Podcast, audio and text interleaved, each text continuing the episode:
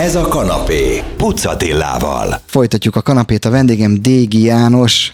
Hát azt találtam, hogy azt fogom mondani, hogy amellett, hogy színész, kulturális polihisztor, mert amikor mi megismerkedtünk, ugye az a 90-es évek vége, a Komlósi Oktatási Stúdióban volt, és amikor elkezdtünk beszélgetni, nagyon szeretem a különleges embereket, és a, először a szemüvegkeretedet vettem észre a Komlósinál, hogy az nem egy hétköznapi darab, meg aztán beszélgettünk, ugye ebből lett egy picike közös produkció is, de nem ez a lényeg, nem a mi kapcsolatunk a lényeg, hanem maga Dégi János, aki színész, aki színész családból származik, Dégi István színész az édesap, édesapád, és Korodi Ildikó az édesanyád. No, a polihisztort azért mondtam, mert én furcsáltam, hogy egy színész, aki végzett színész, az legendás színetárosztályból szokták volt mondani, az eljött és televíziózást tanult. Miért? Hát azért azért lett ott egy váltás igazából, mert egy nagyon különleges helyzet volt. Épp akkoriban, ez 96, 95-96 környéke, én 90-ben végeztem a főiskolán, különböző vidéki színházakban játszottam szokás szerint, akkor általában mindig le szoktak menni vidékre a főiskolán frissen végzettek, nagyon sok mindent tanultam, nagyon sok mindenféle produkcióban részt vettem, és készültem Budapestre, illetve volt egy helyzet, hogy, hogy, hogy a Tivoli Színház, az épp akkor induló Tivoli színházban ö, volt egy lehetőség, hogy esetleg oda kerülök. És akkor jött a furcsa ö, fordulat a sorsomnak, meg, a, meg a, az életnek, hogy a Tivoli Színház nem nyílt meg. Igen, elkezdték megépíteni, még én is voltam ott, ez a Nagymező utca másik végéről Igen. van szó, Így és van. ilyen szembe a Radnótival. Így van, és ott volt egy olyan történet, hogy azt hiszem az egyik lakó nem járult hozzá a, a, az épület eladásához, és mentek a hónapok, és mentek a, ment az idő, és le volt szerződtetve egy társulat, volt igazgatója, volt mindenféle, és és hát én úgy gondoltam, hogy volt ott egy lehetőségem, hogy esetleg oda, oda megyek, és ott volt egy üres évem egyszer csak, uh-huh. és akkor jött és akkor, a komlósi, akkor jött a Komlósi Oktatási Stúdió, ahol, ahol újságírást tanultunk, ugye, Sőt, hát nekem nagyszerű ö, ö, stúdium volt az Érdi Sándor féle kulturális műsorok ö, ö, vonalán indultam el. Nekem korábban, mivel édesanyám forgatókönyvíró volt, az írás az valamennyire már ö, elindult, csak aztán a színház közbeszólt, Sőt, még amikor megjelent az első írásom, az pont 86-ban volt, és egyszerre indult a dolog, és akkor az írás ott elmaradt, és akkor most visszajött. Tehát úgy gondoltam, hogy itt, itt ez egy jel volt nekem, hogy itt valamit, valamit változtatnom kell, és ezt utána beszippantott, a, uh-huh. beszippantott a, a, az úgymond média, mármint a, a televízió műsorok szerkesztője lettem hosszasan, tíz évig. Még egy picit csak visszautalnék az életrajzodra, azt írta valaki valahol rólad, hogy tudatosan kerested a vidéki lehetőséget. Hogy te nem az a fajta volt, aki kijön a, a főiskoláról, akkor még főiskoláról, és akkor azt mondja, hogy fővárosi madács, vagy víg, bármelyik. Hogy tudatosan, miért? Mert vidéken tényleg többet tud egy színész tanulni, több a lehetőség? Igen, abszolút. Hát ott is volt egy érdekes dolog. Ugye ez a 90-es évek, illetve pont 90 a rendszerváltás időszaka volt, és én ott Bereményi Gézával ö, alakítottunk egy színházat, egy bizonyos XL színházat, ami ami hát nem úgy indult el, ahogy gondoltuk, vagy gondoltam pontosabban én, és egyszer csak ö, azt ö, döntöttem el, hogy én elmegyek Békés Csabára. Ö, ott volt egy lehetőség, az utolsó pillanatban, itt augusztus elején szóltam, végül is a, akkor kerestek, hogy esetleg lemehetnék, és akkor lementem, és azt mondtam, hogy hát akkor induljunk innen, Békéscsabáról. Innen indulunk, és innen folytatjuk. Dégi János színésszel, most azonban zenélünk, aztán jövünk vissza, és beszélgetünk még.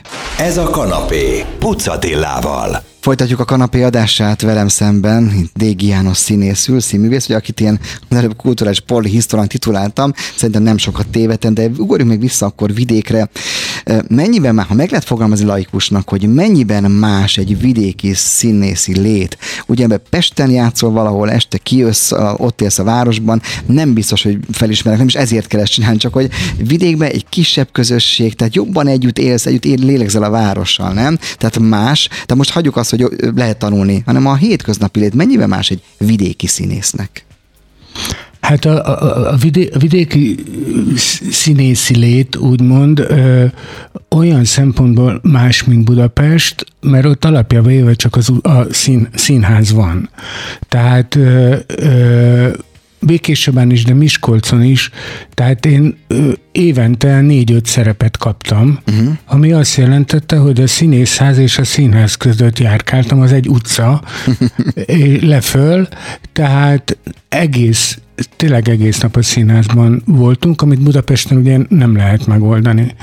És, és ennek kapcsán olyan szerepeket is kap az ember vidéken, amire nem is gondol tehát sokkal szélesebb a, a, a repertoár, úgymond, tehát a gyerekdarabtól a, a zenéseken, a, a, a, a műzikelen keresztül, a drámán át, tehát mindent, mindent lehet játszani, és, és emiatt lehet sokkal többet tanulni, tanulni vidéken.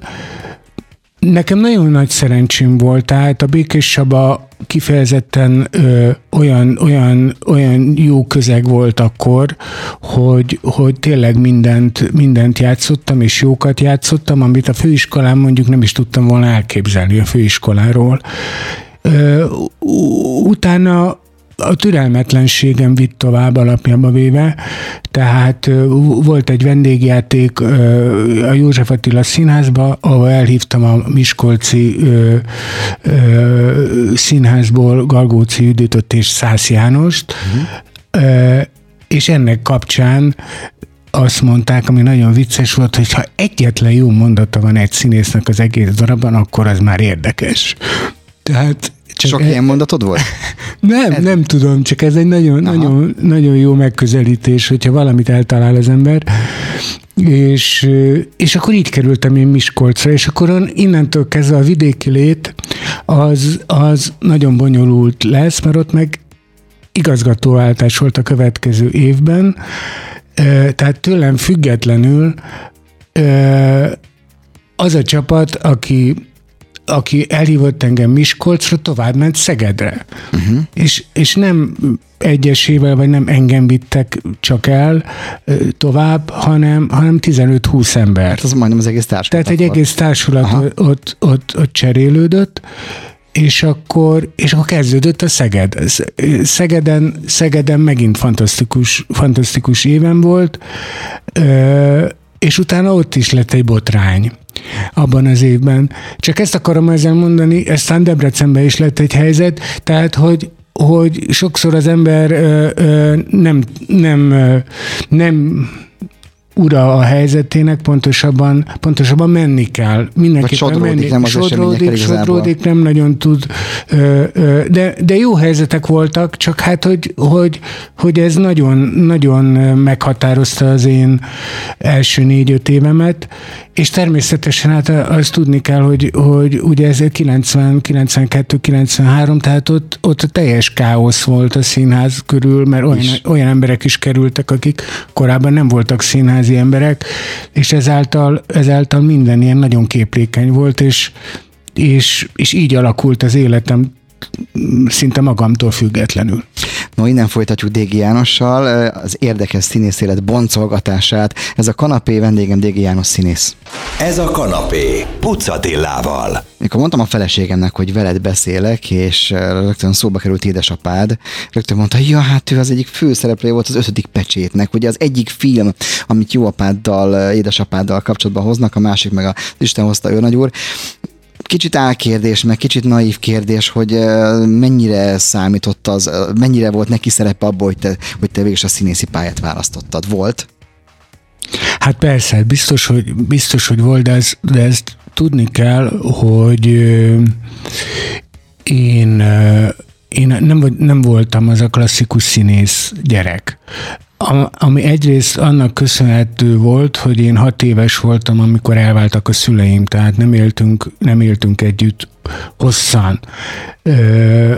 Édesapám akkor a legnagyobb sztár volt, úgymond. Hihetetlen so, sokat dolgozott, mindenhol ismerték, ami nekem, mint gyereknek bizonyos értelemben jó volt, de bizonyos értelemben szorongás is volt, meg furcsa is volt. Tehát én inkább ilyen nagyon visszahúzódó szemüveges, görnyed hátú gyerek voltam, és igazából, tehát tényleg semmi jel nem volt arra, hogy, hogy, hogy, hogy, hogy a színészetet fogom választani, és igazából megint az íráshoz visszatérhetünk, hogy, hogy én 14 éves koromban elkezdtem írni verseket, mint minden gyerek, és, vagy hát sok gyerek, és, és azokat olvastam fel, azokat olvastam fel egy régi magnúra, és és azt abból azt hallgatta meg az édesanyám, vagy mutogattam talán embereknek, és akkor ott érződött, hogy, hogy, hogy valami van, hogy valami, valami, valami színészet van. Az édesapám, amikor felvételiztem, nem hallgatott meg, de ez nyilván direkt volt. De szeretted volna, vagy, vagy kértél tanácsot, vagy? Nagyon, ne, hát ez is érdekes volt, mert eleinte nem akartam. Eleinte nem akartam, hogy segítsen, és nem akartam, hogy, hogy, hogy ő miatta... Igen, a színész gyerek felvételizik igen, című dolog, színész ugye? gyerek uh-huh. felvételizik, tehát én nem mutatom meg a, a, a dolgaimat, de aztán, aztán utána mégis valahogy szóba került, hogy hát akkor, mert mégis megmutatom, mert másoknak mutattam, mert hogy próbáltam, mert illetve hát készültem fél évig, vagy, vagy egy egész évig, ugye? De az is nagyon jó volt. A Csehovnak a síráiból volt a Trepjov monológia, és azt hiszem az első két mondatot mondtam el neki, és azt mondta, hogy állj, köszönöm, vége. És ennyi volt. Tehát ezt, ezt a két mondatot meghallgatta. De ezzel mit mondom? És mit utána, utána azt mondta, hogy ha, hagyjam abba, fejezem be, és köszönöm szépen. Tehát ő, ő vagy, vagy az volt, hogy abból meghallotta, hogy esetleg jó, vagy pedig, vagy pedig lehet, hogy nem jó. Tehát, ez nem derült ki. Ez nem derült ki, ez így nem derült ki, csak egy volt egy ilyen, nekem részemről volt egy ilyen próbálkozás, és tehát kap... hát és akkor így, így, e, ez volt az ő, ő, ő reakciója erre, ami, ami, ami nagyon ö, ö, meglepőnek tűnik, de még most is, most is egy kicsit olyan felkavaró lett ez az egész. Most is, hogy hát visszagondolsz el azt, hogy igen. akkor nem kérdezted meg, hogy oké, de akkor ez mit jelent? Nem, ez, ez a kérdés, ez nem hangzott Hát így el. nem lehetett, igen, hát most nem lehet, nem, nem, nem, kérdezt, nem kérdeztem, hogy miért nem. Azért, azért vagyok ilyen kicsit ilyen makogós, mert, mert ott történt egy olyan dolog, hogy, hogy én János nevet választottam. Tehát azt tudni kell, hogy én 18-19 éves koromig István voltam. Tehát Dégi mint István édesapád. volt. Igen, mint édesapám, meg mint nagyapám. És mivel egy Dégi István színész van, én ö, gondoltam, hogy nem szeretnék se kis Dégi István lenni, se nagy Dégi István, se semmilyen Dégi István, nem, tehát nem szeretnék Dégi István lenni. Ö, és, és ezért a János nevet választottam a nagyapám révén, és ez nagyon nem tetszett az apukámnak. Tehát, hogy ez, ez, ez nagyon meg, meg, meg, megfogta, és, mi, és azt mondta nekem, hogy, hogy miért nem a Dégi nevet változtattam meg.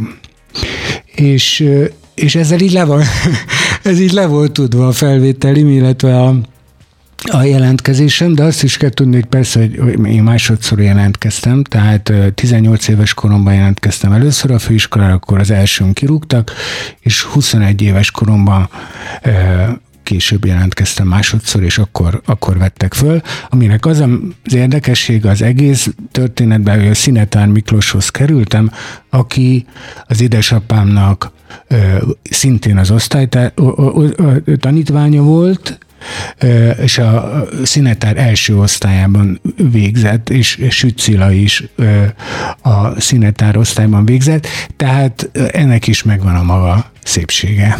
Hát meg milyen érdekes dolgok derülnek ki, hogy beszélünk egy apa-fia kapcsolatról, és ilyen dolgok derülnek ki, mint az előbb is. Ennek tényleg megvan a szépsége. Dégi Jánossal beszélgetek még a zene után. Ez a kanapé, Pucatillával. Beszéltünk már vidéki színházi hangulatról, fővárosi színház, meg nem valósult fővárosi hangulatot, Tivoli színház. Egyébként mi lett azzal a dologgal, azzal az épület? Én még voltam benne, mert volt egy független csapatom, és még valakivel emlékszem, tárgyaltam, bementem, láttam, hol lesz a színpad, a nézőtér. Bár nem készültem ebből fel, de tudod, hogy mi van a Tivolival? Én nem tudom. Persze, a Tivoli színház ö, nem mi kaptuk meg úgymond, hanem egy önálló színház lett, hanem a Budapesti Kamara Színháznak lett a játszóhelye, tehát sokáig a színházként működött, de Budapesti Kamara Színház. Hm. Én televíziósként eljutottam egyszer a Kugler Art Salonba, és azóta nagy kedvencem a hely. Ezt úgy képzeljétek el, kedves hallgatók, az egy, igazából ez egy lakás galéria és lakás színház. Igazából, a, de majd a János kiavít, mert neki több köze van hozzá, a, a, a roma kultúra felkent szentélyen, mert a, fest, a festmények, amik a falon vannak, azok általában mind naív és roma festők alkotásai. A színházról pedig azt kell elképzelni, hogy ülünk egy nagy polgári család, ez a Sütő utcában, egyébként kijön az ember a Deáktéri metróból, onnan nem messze, egy nagypolgári nem leválasztott, tehát nem szétválasztott lakás, amiket az 50-es évek csináltak, nappaliában, és ott játszanak a színészek. Neked több darabod is volt ott, mit szeretsz ebbe a, ebbe a közegbe? Az intimitást, az, hogy ez egy teljesen más színészt kíván, egy más hangulatú előadást tud kerekedni ebből az egészből, mert ugye volt ott barikároly ested, például, egy, egy, egy cigányköltő kicsit beszéljünk is róla, tehát mit szeretsz te ebben a műfajban? Hát én alapjában véve mindig is szerettem a stúdió előadásokat, mindig is szerettem a kis szereplős előadásokat, mindig is szerettem a, az intim előadásokat, mert tényleg ott egészen máshogy kell játszani, és, és én nekem valószínűleg ez a közegem, és ez, ez is vonzott ide, és hát az őrületes szabadság és a nyitottság, amit Kőszegi Edith és Surányi András féle vezette színház úgymond képvisel, és, és ez az az őrületes szeretet, ami, ami, ami, ami fogadott engem ott, ami, ami nagyon-nagyon fontos volt, mert ugye azt, azt tudni kell, hogy én 98-ban játszottam igazából ilyen színészként vagy színházban, és utána 10-15 évig nem játszottam, és azért azt tudni kell, hogy, hogy, hogy a színészet az egy gyakorla, gyakorlati uh-huh. pálya, tehát muszáj játszani. E, és és volt, volt egy ötletem, amit, amit meg akartam mutatni, amit nem voltam benne biztos, hogy hogy, hogy kell megcsinálni, de, de nagyon-nagyon zsigeri volt, és nagyon-nagyon belülről jött, és úgy gondoltam, hogy ezek a dalok, illetve hát főleg a szövegek, mert ezek igazá, igazából bereményi szövegek, ez, ez pont a Fűszálszobám címmel, a jóslat, Csetamás Bereményi jóslat lemeze alapján a szövegeket választottam ki, tehát a zenét teljesen kivettem a történetből, tehát a fejhallgató volt a fejemen, és mondtam a szövegeket, és hozzárakódott egy-két olyan történet, amikről most beszélgetünk, uh-huh. tehát hogy a, a, a, az életem különböző pontjai hogy találkoznak ezekkel a szövegekkel, és Bereményi, mint költő, vagy Bereményi, mint szöveg egészen, egészen fantasztikus. Tehát az életet fűszerezve egy csöpnyi bereményivel? Vagy nem is csöpnyivel? Nem, hát nem, so, sok bereményével és a csöpnyi, csöpnyi élet részleteimmel, vagy az élet dolgaimmal. Szóval Dégi János előadásában fűszálszobám dalszövegek hallható vagy látható is 2024. január 29-én. Engedjék meg, hogy a végén a darab ismertetőjét felolvassam önöknek. Dégi János estje Csetamács Bereményi Géza Jóslat című lemeze alapján. A magány, a bezártság egy üres szobában, valamint egy laptop és a múltból egy lemez alkalmas a szembenézésre, az önvizsgálatra. A Bereményi dalszövegekre épülő előadást az előadó Dégi János személyes történetei teszik egyedivé. A dalok egy történetté állnak össze, nagyon is személyes formában. A lemez dalainak sorrendje megmarad, de a hozzászerkesztett magánéleti motivumok monodrámával alakítják az estet. No, remélem sikerült néhányuknak felcsigázni az érdeklődését, és elindulnak és megnézik ezt az igazán remek estet.